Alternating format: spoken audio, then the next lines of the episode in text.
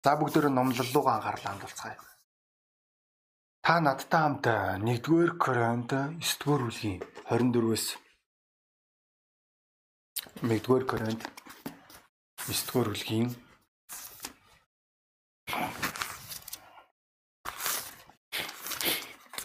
24-өөс 27 дугаар ишлэлийг нээхгүй. Энэ маань их алдартай ишлүүдийн нэг.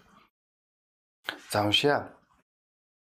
Уралдааны замд гүйгчд бүгд гүйдэгч нэг нь л шагнал хүртдгийг та нар мэдэхгүй гэж юу? Та нар ялахын тулд гүйцгээ. Тэмцээн дөрсөлдөгч бүр бүх талаараа биеийн э, захирах чадварт өөрийгөө дасгалжуулдаг. Тэд муудах титэм хүртхийн төлөө болоо харин бид үл муудах титмийн төлөө юм. Тиймээс би зориггүй мэд гүйддэггүй.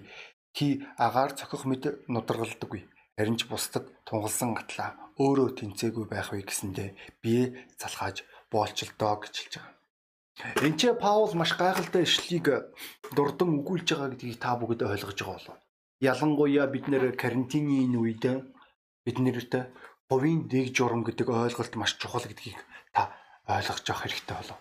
Таны жинхэнэ итгэл гэдэг зүйл маань өнөөдөр та пастор таныг харахгүй байгаа үед таны итгэгч ахын дүүс таныг харахгүй байх үед харагдах зүйл. Өнөөдөр та хинч таныг харахгүй байх үед та хэн та юу хийж чадчих эн чин та өөрөө гэсэн үг. Үүгээрээ танд яхааргүй нэг бол хувийн тэг журам дотож байгаа, нэг бол та хувийн тэг журамтай. Та баярлах хэрэгтэй бол. За тэгвэл Эхнээс нэг үнэн рүү анхаарал хандуулцгаая. Бидний нэшлэлээр дурдахдаа та бүгд сая уншсан ишлэл рүү анхаарал хандуулж байгаа гэдэгт найдаж байна. Хүн болгон ямар нэг юм авахын төлөө урагшилдаг гэж хэлж байгаа. Энэ бол үнэн гэдгийг та ойлгож байгаа тийм үү? Бид нэр шагналын төлөө тэмцэж байгаа. Бид нэр мөнхийн амийн төлөө тэмцэж байгаа. Бид нэр итгэлийн амьдрал дээр зүгээр нэг мөнхийн амийг авах биш, итгэлийн амьдралын бурхны хаанчлалд амжилттай байхын тулд бид нэр тэмцэж байгаа биднэрт амжилт олохоо энэ бол бидний хувьд маш их сонирхолтой асуултуудын нэг. Яаж итгэгч хүний хувьд амжилттай байх вэ? Яаж итгэгч хүний хувьд үн цэнтэй даацтай байх вэ? Яаж итгэгч хүний хувьд ялт сурах вэ? Энэ бол бидний хувьд маш чухал байгаа. Мөн яаж итгэгч хүний хувьд ялагдлыг ялалт болох вэ? Энэ бас мөн чухал зүйлсүүдийн нэг болов.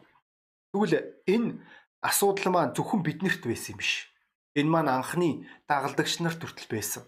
Петр тэрээр Матай 10-гийн 19-ийн 27 дугаар эшлэлдэр тэрээр хэлдэг. Өршөөгөр. Эзэн Есүс Христээр хандаад эзэн бид нэр таны төлөө бүх зүйлийг орхисон. Одоо биднэрт яг юу байх вэ гэж асууж байгаа. Петр маш шудраг асуусан. Магадгүй зарим итгэгчнэр маань соёлтой зан гаргаад бид нэр хэлэхгүй байсан болов. Тэгвэл Петр энэ бүсдэр маш шудраг итгэгч нарын нэг байсан гэдгийг та бүгд мэдчихэж байгаа. Мөн өөр нэг хэсгээр дагалдагч нар Есүс Христ дээр ойртож үрж ирээд эзэн Йохан өөрийн шавнырыгаа залбирч сургасантай адил мөн та биднийг залбирахтам нь тусалж яаж залбирахтам нь та биднийг сургаач гэж хэлж байгаа. Энэ маш чухал ойлголтуудын нэг. Яагаад гэвэл э, тухайн үед шавнар Есүсийн залбирлаар дамжуулаад бурхан юу хийж байгааг харж ирсэн. Тэгвэл тэд нар хүртлээ хэлж байгаа. Бид нар ч гэсэн залбирч сурмаар байна итгэгч нарын хувьд. Би зүгээр нэг залбирлын зан үйл 15-аас 30 минут хийдэг биш. Би яг яахааргүй бурхан түрмээр залбирлаа. Би залбирч сурахыг хүсэж байна. Өөр нэг хэсгээр элчнэр эзэн рүү хандаад Лук номын 17 дугаар бүлэг дээр эзэн минь бидний итгэлийг өсгөөч гэж хэлж байгаа. Өнөөдөр энэ олон итгэгч нарын асуулдаг асуудаг асуултуудын нэг нь 15 жил одоо 16 жилийн хугацаанд олон удаа би итгэгч нарээс энэ асуултуудыг пасторудаас асууж ирснийг ажиглаж ирсэн. Тэд нэр итгэлээ өсөхийг хүсэж байгаа. Тэд нэр өөрсдийн өөрсдийн итгэлийн амьдралд үр жимстэй байхыг хүсэж байгаа. Энэ асуултууд байдаг. Бүр итгэгчнэр ялагдал амсах үед бүр тодорхойлох юм бол тэд нэг жөтгөрт эзлэгдсэн хүүхдийг эдгэж чадахгүй байх үед Есүсийг тусад нь хүмүүсээс холдуулж агаад шавнар дараах асуултыг асууж байгаа. Яагаад бид нэр энэ чөтгөрийг зайлуулж чадсангүй вэ? Энэ маань эрүүл асуулт гэдгийг та ойлгож байгаа болов? Эхний асуулт хэлж байгаа юм тийм үү? Эзэн би одоо ингээ итгэлийн амьдралаар амьдарч байгаа. Тэгвэл энэ итгэлийн амьдралаасаа би ингээ амьдарч байгаа үед би олон зүйлс төр золиос гаргах хэрэг гарч байна. Эзээ тэгвэл э, надад яг юу байх вэ? Би яг юу олох вэ? Би юу хожих юм? Миний амьдралд яг ямар ашиг байгаа? Бүр бүдүүлгээр хэлэх юм бол бас нэг өөр нэг зүйл нь. За тэгвэл итгэлийн амьдралд ингээд өсөхийн тулд надад яг юу юу хэрэгтэй вэ? Миний итгэл өсөхийн тулд яг юу хэрэгтэй вэ? Би яаж залбирч сурах вэ? Би яаж бичээсийг судалж сурах вэ? Энэ нь маш чухал асуултуудын нэг гэдгийг та ойлгож байгаа. Тэгвэл өөр нэг энэ асуулт байгаа. Эзэм нь яагаад миний итгэлийн амьдралд энэ бүтсэнгүү? Яагаад тэр бүтсэнгүү? Энэ чухал. Бид нэр өсхийг хүсэж байна Бид нэр өөрчлөгдөхийг хүсэж байна. Бид нэр амжилттай байхыг хүсэж байна. Аа энэ бол зүгээр хүслүүд. Энэ байх ёстой хүслүүдийн нэг. Өнөөдөр итгэгч найз минь хэрвээ чи итгэлийн амьдралдаа үр жимсийг хүсдэггүй бол хэрвээ чи итгэлийн амьдралдаа амжилт хүсдэггүй бол чамтай ямар нэгэн асуудал байна. Итгэлийн амьдралыг зүгээр нэг ингээд одоо урсгалаараа туулах боломж байдгүй. Оо нэг урсгалаар үгүй бид нэр өмнө нь аврагдаагүй байх үедээ урсгалаараа хөвж сүргээ дагж исэн. А тэгвэл ча одоо чи бурхан дотор аврагдах тэр үед ингэх боломж байхгүй.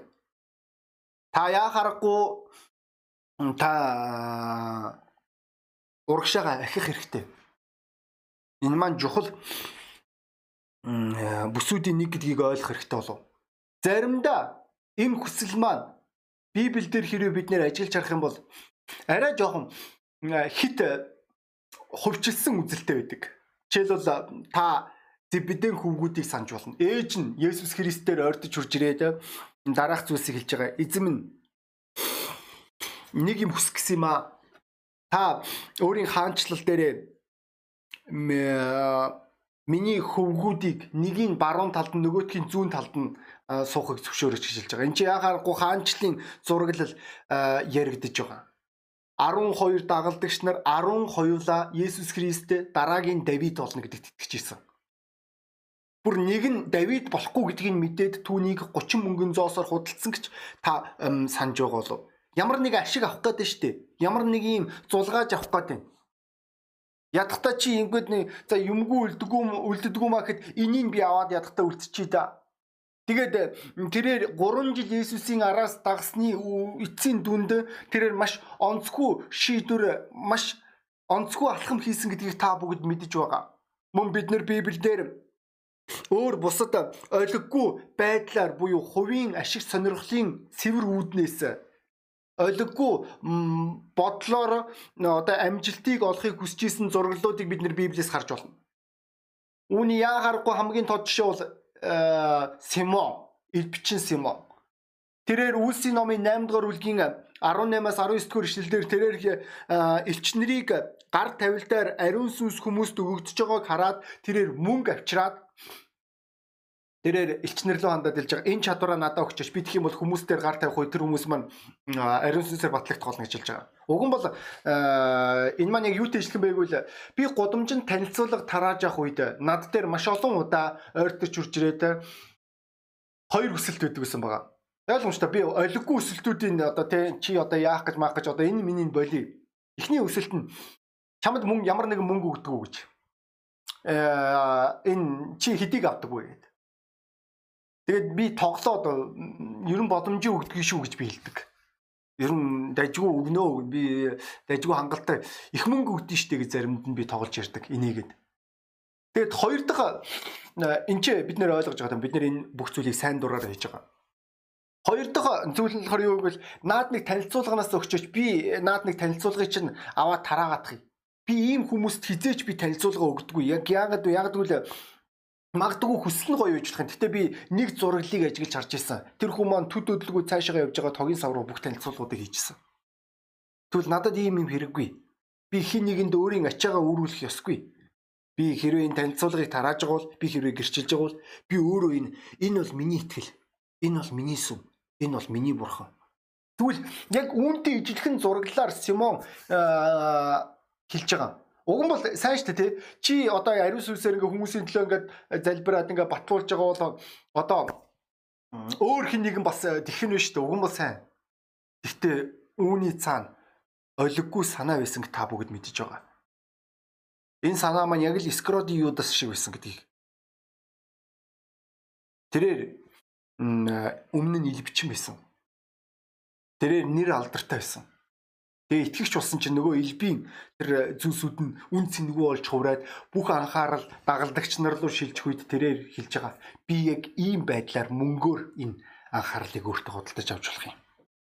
Мөн өөр нэг хэсгээр Юдагийн дахилчийн хөвгүүд 7 хөвгүүн Есүсийн нэрээр Паулийн номлоод байдаг Есүсийн нэрээр бузар сүнсэнд тушаасан гэдгийг та бүгд мэдж байгаа. Энэ бүх зүйл дээр өнөөдөр энгийн хүний одоо тэр хүсэл яригдж байгаа. Тийм ээ үнэхээр зарим газар үнэхээр олиггүй хүслэр буюу хувийн нэр алдрын төлөө хувьчилсан эгого бадраах гэж хүсэж байгаа тэр хүсэл яригдж байна. Нөгөө тал дээр үнэхээр чин сэтгэлээсээ итгэлийн амьдрал дээр үр жимстэй амжилттай байхыг хүсэж байгаа тэр зураглыг харж болно итгэгч хүн амбицгүй байх гэж хизээч байхгүй.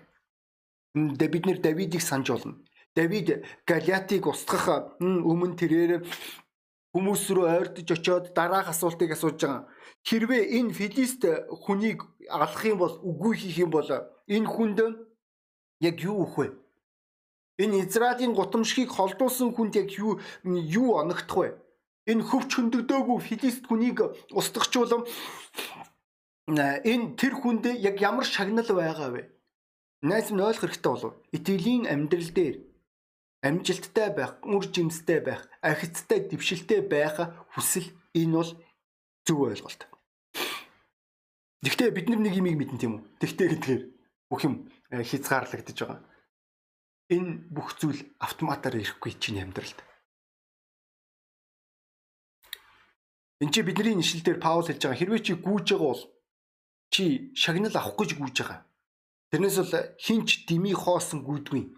Хинч өөрийн амьдралаа дими хоосон үрдгүй. Энэ гүйлтийн үед чиний итгэлийн амьдралд саа дотгоргүй. Асуудлууд гарч ирэх болно.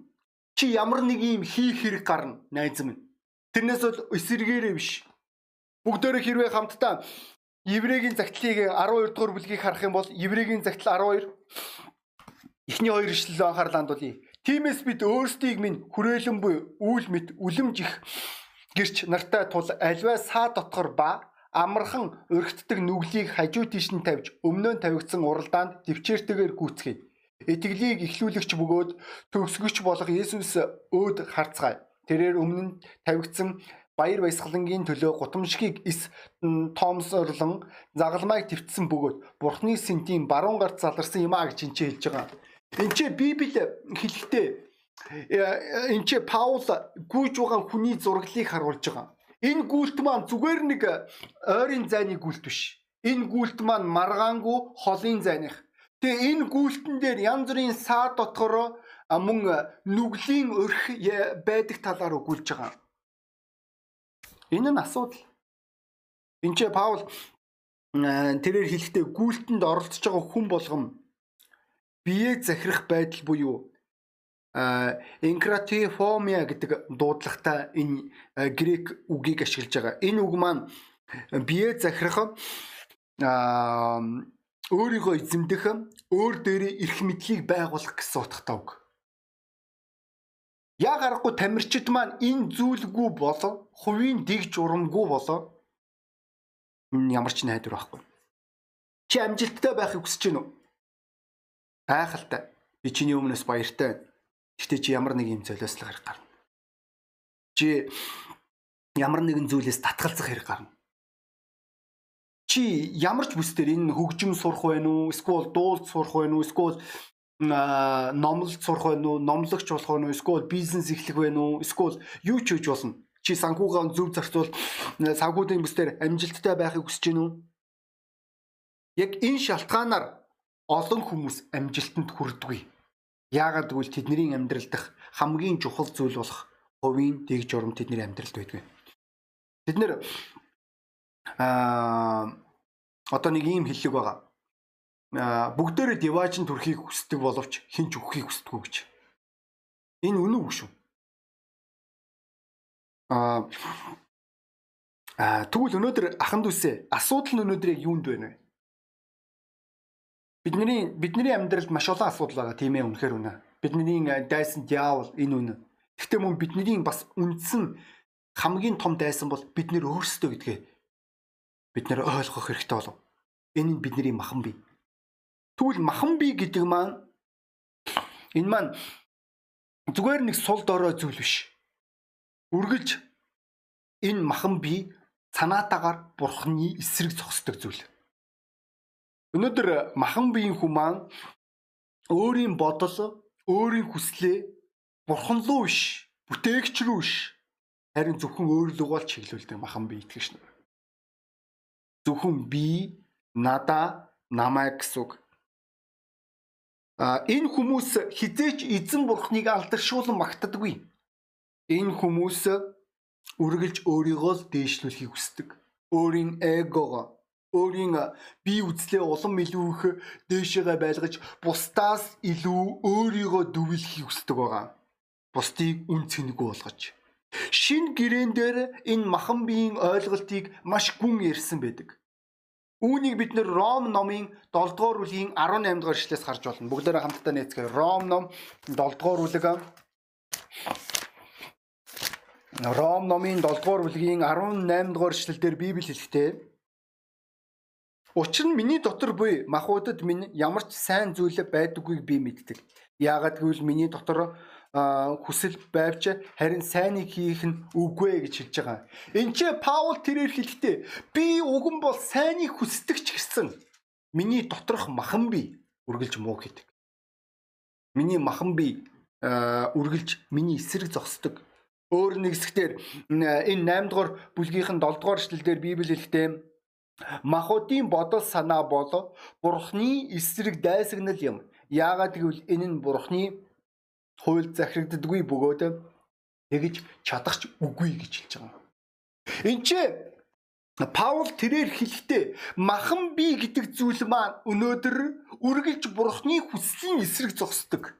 Чиний э, чи уган бол сайныг хүсэж байгаа. Чи амжилттай байхыг хүсэж байгаа. Чи үн цэнтэй байхыг хүсэж байгаа. Чи үр жимстэй байхыг хүсэж байгаа. Чи нэр хүндтэй байхыг хүсэж байгаа. Даанч харамсалтай махан би үргэлж чиний эсрэг зогсдог.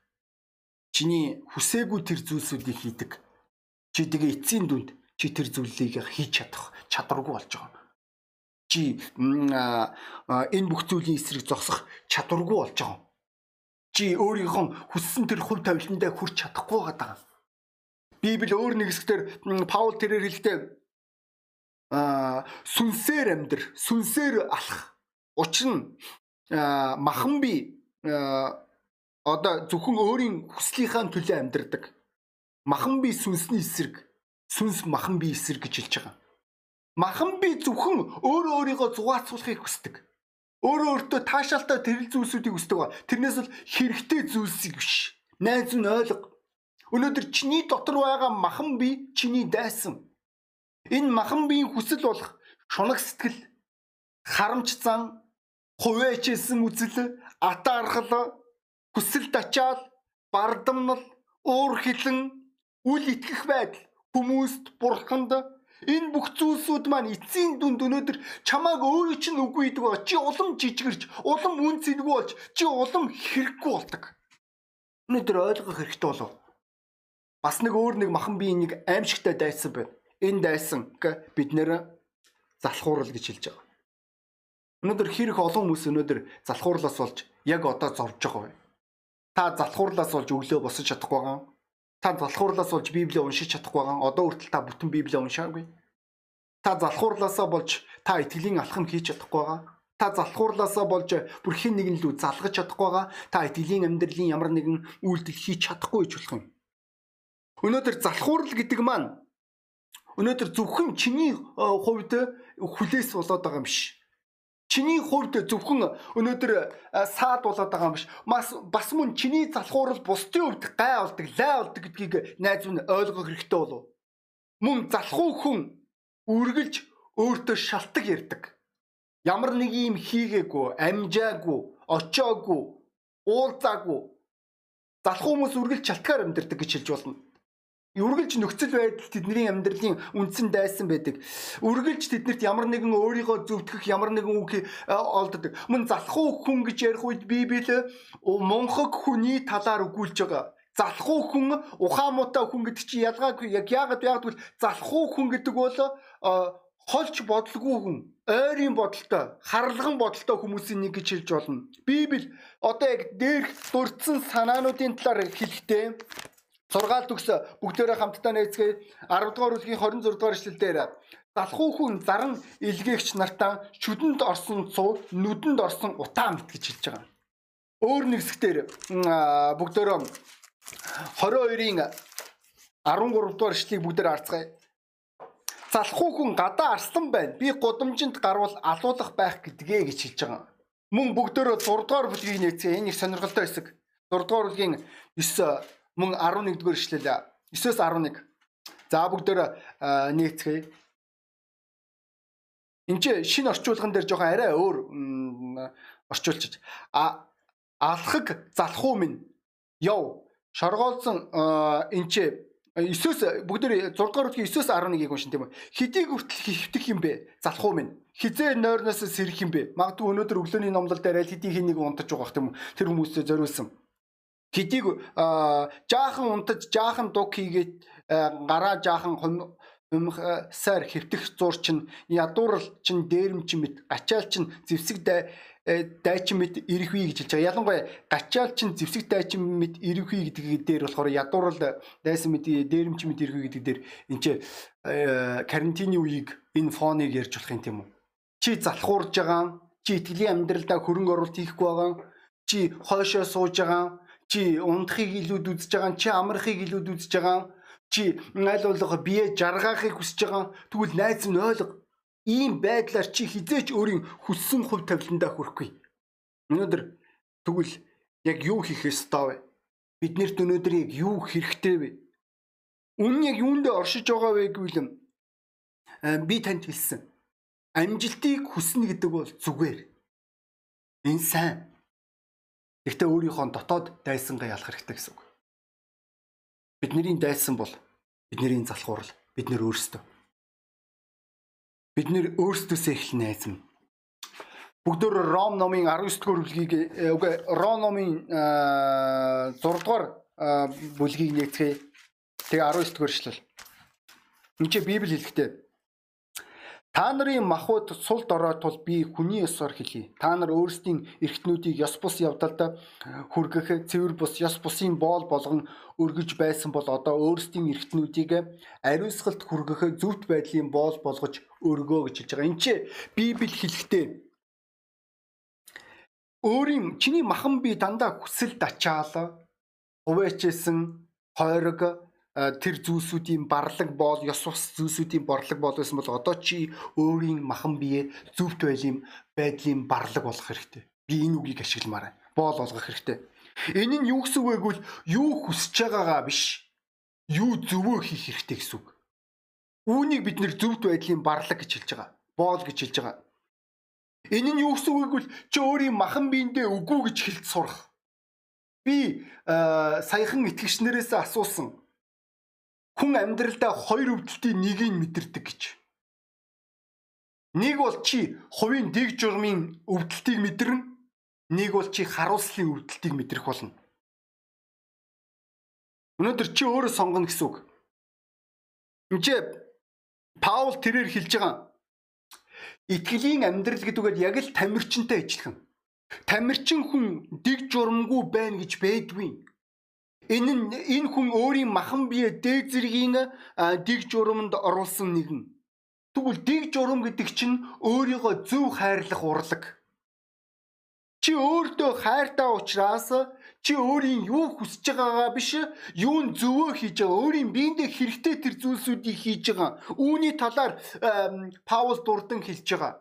Паул тэрээр итгэлийн амьдралыгаа энэ миний амьдрал бол дэг журмын амьдрал гэж хэлж байгаа.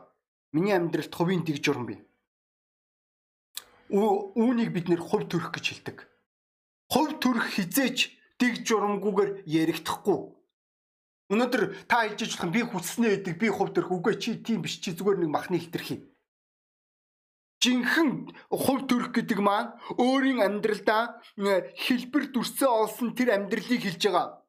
Ийм учраас ахан дүүсээ бид нар өөрсдийн амьдралдаа өөрсдөөсөө шалтгааллах бүх хүчийг зарцуулах хэрэгтэй.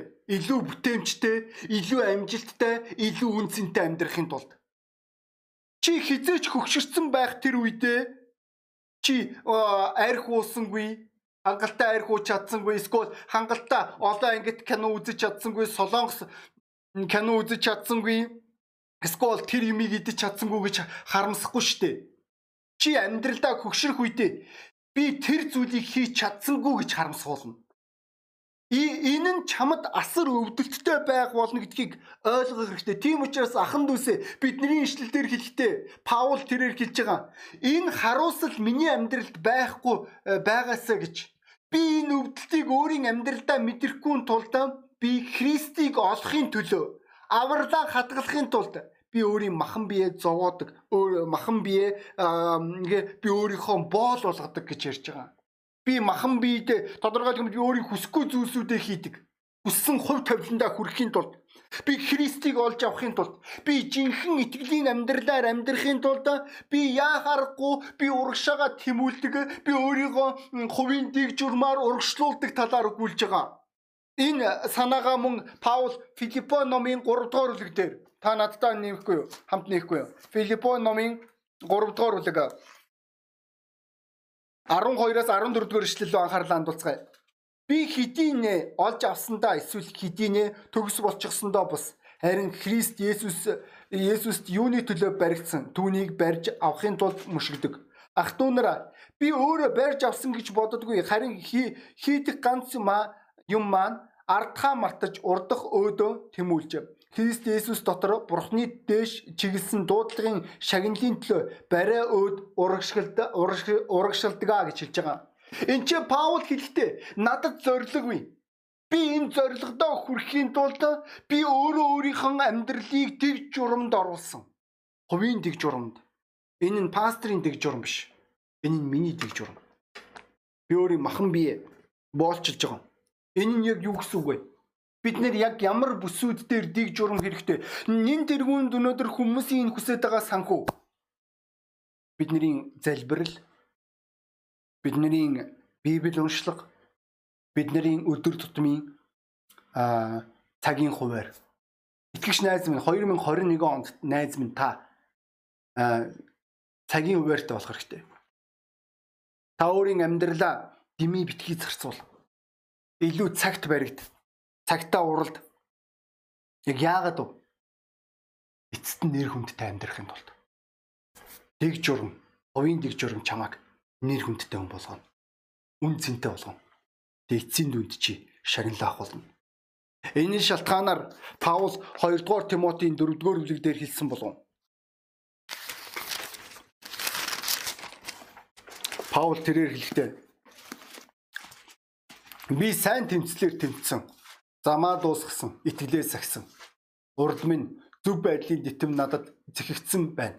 Зөвд шүүгч эзэн намайг тэр өдөр зөвхөн намайг ч биш түүний үзэгдхийг хүсэгч бүгдийг бас түүгээр шагнах болно гэж хичээ Паул хэлж байгаа. Паул тэрээр хэлэхдээ найз минь би урсгалаа туулсан. Би нэр хүндтэй амьдарсан. Би үн цэнтэй даацтай амьдарсан. Тэгвэл өнөөдөр итгэж найз минь чи үнийг хэлж чадахгүй чи итгэлийн амьдралдаа яг юу хэлэх вэ? Хувийн дэг журам. Энэ чиний амжилтын төлөв. Яагаад гэдгийг мэдгүй найз минь. Хувийн дэг журам сайн зуршлыг бүрдүүлдэг. А тэгвэл зуршил өнөөдөр хүмүүсийг амжилттай болгодог. Паул үүнийг хэлж байгаа. Тэгээ хүн болгон толгой удаалгаад нүдэ анихгүй гэж үсэн. Хүн болгон толгой удаалгаад нүдэ анцсан байгаа үед магадгүй найз минь чи анх удаа энэ номлыг сонсч иж болно. Өнөөдөр чиний амьдрал эмх замбраагүй. Чиний амьдрал хөл толгойн мэддэхгүй байгаа. Яагаад ингэж ийм зүйл болсон гэж чи магадгүй мэдэхгүй байж болох юм. Библи хэлэхдээ нүгэл байгаа газар ёс ёс ёс бус зүйл байгаа газар дэг журамгүй байх болно. Хизээч эмх замбраа олдохгүй Өнөөдөр хэрвээ чи нүглийн боол байгаа нөхцөлд хэрвээ чиний амьдралд нүгэл байгаа бол чи хизээч эмх зэгцтэй амьдрахгүй. Чи хизээч амжилттай амьдрч чадахгүй. Нүгэл чиний амьдралыг өдрөөс өдөрт сүрүүлэх болно. Үүний том баталгаа бол чи 10 жилийн өмнө чи одоо боддог шиг боддггүйсэн. одооных шиг санаатай байгаагүй. Чи одооных шиг олиггүй бодлуудаар үл итгэх байдал, гомдол, хорслоор дүүрэг байсан гэдгийг мэдэж байгаа. Гэхдээ баг багаар нүглийг таньж мэдсээр байгаа. Нүгэл чиний амьдралыг сүрүүлж эхэлж байгаа. Нүгэл чиний амьдралыг сүрүүлэхээс гадна мөн чамайг бурхнаас улам холдуулдаг. Чи амьдралд итгэхгүй байгаа, чи хүмүүст итгэхгүй байгаа, чи бүр бурханд бүр тэр тусмаа итгэхгүй байгаа. Гэхдээ найз минь чиний амьдралыг бүр мөсөн өөрчилж чадах нэгэн бол бурхан гэдгийг чамд хэлмээр. Учир нь бурхан л нүглийг уучлж чадна. Хүн биш. Бурхан хүнийг нүглээс чөлөөлж чадна. Хүн биш. Яагад гэдгийг мэдхүн. Яагад үл Есүс Христ бидний нүглийн төлөөсийн төлөө загалмаа дээр сайн дураараа цовдлогдсон. Бидний нүглийн ачааг тэр өөр дээр авсан байна. Бурхан биднэрт хайртай учраас. Бурхан чамд хамгийн сайн сайхныг хүсэж байгаа. Гэхдээ чиний нүгэл Бурхныг чиний амьдралд туслахад саад болдог тэр зүйл. Тэгвэл энэ өглөө Бурхантай эвлэрч болно. Бурханаас нүглийнхаа төлөө уучлалт гуйжлах юм. Энгийн залбирал чиний амьдралыг бүр мөсөн өөрчлөх болно. Тэгээд хэрэг үүнийг хүсэж байгаа бол чи надтай хамт залбирахгүй юу? Чи дагаад хэлэхгүй юу? Тэнгэрлэг эзэм нэ. Би таны өмнө нүгэлтэй Есүс Христ миний нүглийн төлөө заалмаа дээр цовдлогдсон гэж хэллээ. Би үүнд итгэж байна. Та миний амьдралыг өөрчлөөч. Та миний амьдралд орооч. Та миний нүглийг өөрчлөөч. Таны өөрчлөл таны өршөөл талархаж байна. Танд эвлэрэх боломж олцсонд баярлалаа. Та миний амьдралд туслана уу? Иесийн нэрээр. Амен. Хэрвээ та чин сэтгэлээсээ залбирсан бол Бурхан таны залбирлыг сонсохоос гадна Бурхан таны нүглийг өөрчилсөн. Та энэ мөчөөс эхлээд шинэ хуудаснаас Бурхантай хамт амьдралаар эхэлж болно. Нь танд тустай гэдгийг та мэдж байгаа. Тэм учраас та Бурханыг таньж мэд. Уучлалт гуйсан нэгнийгээ таньж мэд хэрэгтэй. Энэ маш чухал. Өнөөдөр бид нар мэдгүй нэгэндээ итгэх боломж байхгүй Тэгвэл бурхан хаа нэгтээ далд нэг юм биш. Бурхан өөрийгөө өөрийн үгэндээ маш ил тод болгосон. Энэ үгийг бид нэр Библи гэж хэлдэг. Та Библийг унших хэрэгтэй. Та шинэ гэрээг судалж үзэх хэрэгтэй. Зүгээр нэг унших судалж үз. Яг л бид нэр мухар сэсэгт итгэдэг. За. Бурхан танд туслаг. Бурхан таныг явыг. Тэгээ би дуудлагаа өөрчлөмөр. Магадгүй энэ бүх хугацаанд энэ номлол танд хэрэгтэй гэдгийг ойлгож байгаа найз минь. Таны амжилтгүй байгаа, үн цэндгүй байгаа, үргэлж ялагдж байгаа цорын ганц шалтгаан бол хувийн нэг журамгүй байдал. Тэгвэл энэ өглөө найз минь шийдвэр гаргасан гэдэгт итгэж байна. Бурхан танд туслаг. Тэгээ бүгдөө цуглааны төгсгөлд залбирцгаая. Тэнгэрлэг зэн өнөөдрийн номлыг Энэ өглөөг ивэсэн танд баярлалаа. Таны ивэл таны хайр үргэлж биднэрт хамт болтугай. Иесус Христийн нэрээр. Аамен. Надыг ахын дүүсээ удахгүй зүмээр.